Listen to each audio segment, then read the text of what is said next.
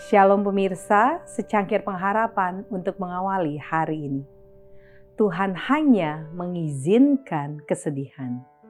Berkat Tuhanlah yang menjadikan kaya, susah payah tidak akan menambahinya. Amsal 10 ayat 22. Tuhan membuat miskin dan membuat kaya. Ia merendahkan dan meninggikan juga. 1 Samuel 2 ayat 7 di tengah-tengah kemakmuran bahaya mengintai. Sepanjang zaman kekayaan dan kemuliaan telah selalu mendatangkan bahaya pada kemanusiaan dan kerohanian. Bukanlah cawan yang kosong yang sukar kita angkut, melainkan cawan yang penuh sampai di tepi yang harus dijaga keseimbangannya. Malapetaka dan kemalangan mungkin menyebabkan kesusahan, tetapi kemakmuranlah yang sangat berbahaya bagi kehidupan rohani. Kecuali sifat manusia tetap ditaklukkan kepada kehendak Allah, kecuali ia disucikan oleh kebenaran, maka kemakmuran pastilah mendatangkan kecenderungan yang lazim kepada pencobaan. Bila ambisi dan kecongkakan dimanjakan, maka kehidupan dirusakkan demi kesombongan.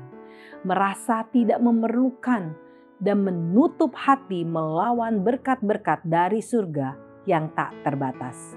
Barang siapa yang mempermuliakan tujuan pribadinya akan menemukan dirinya sendiri melarat terhadap rahmat Allah yang melalui ketepat gunaannya kekayaan-kekayaan yang paling sejati dan kesukaan yang sangat memuaskan dimenangkan. Tetapi barang siapa yang menyerahkan segala-galanya dan mengerjakan seluruhnya bagi Kristus akan mengenyam kegenapan perjanjian.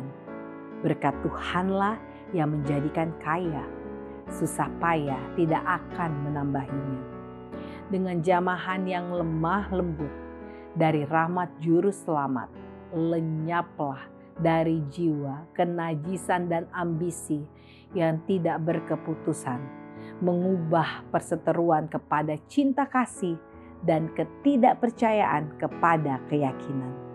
Apabila ia berbicara kepada jiwa dengan berkata, "Ikutlah aku," maka penarikan dunia yang mempesonakan dan ambisi meninggikan hati dan manusia bangkit bebas mengikutinya. Alfa dan Omega jilid 3 halaman 47 dan 48. Demikianlah renungan kita hari ini. Selalu mulai harimu dengan secangkir pengharapan.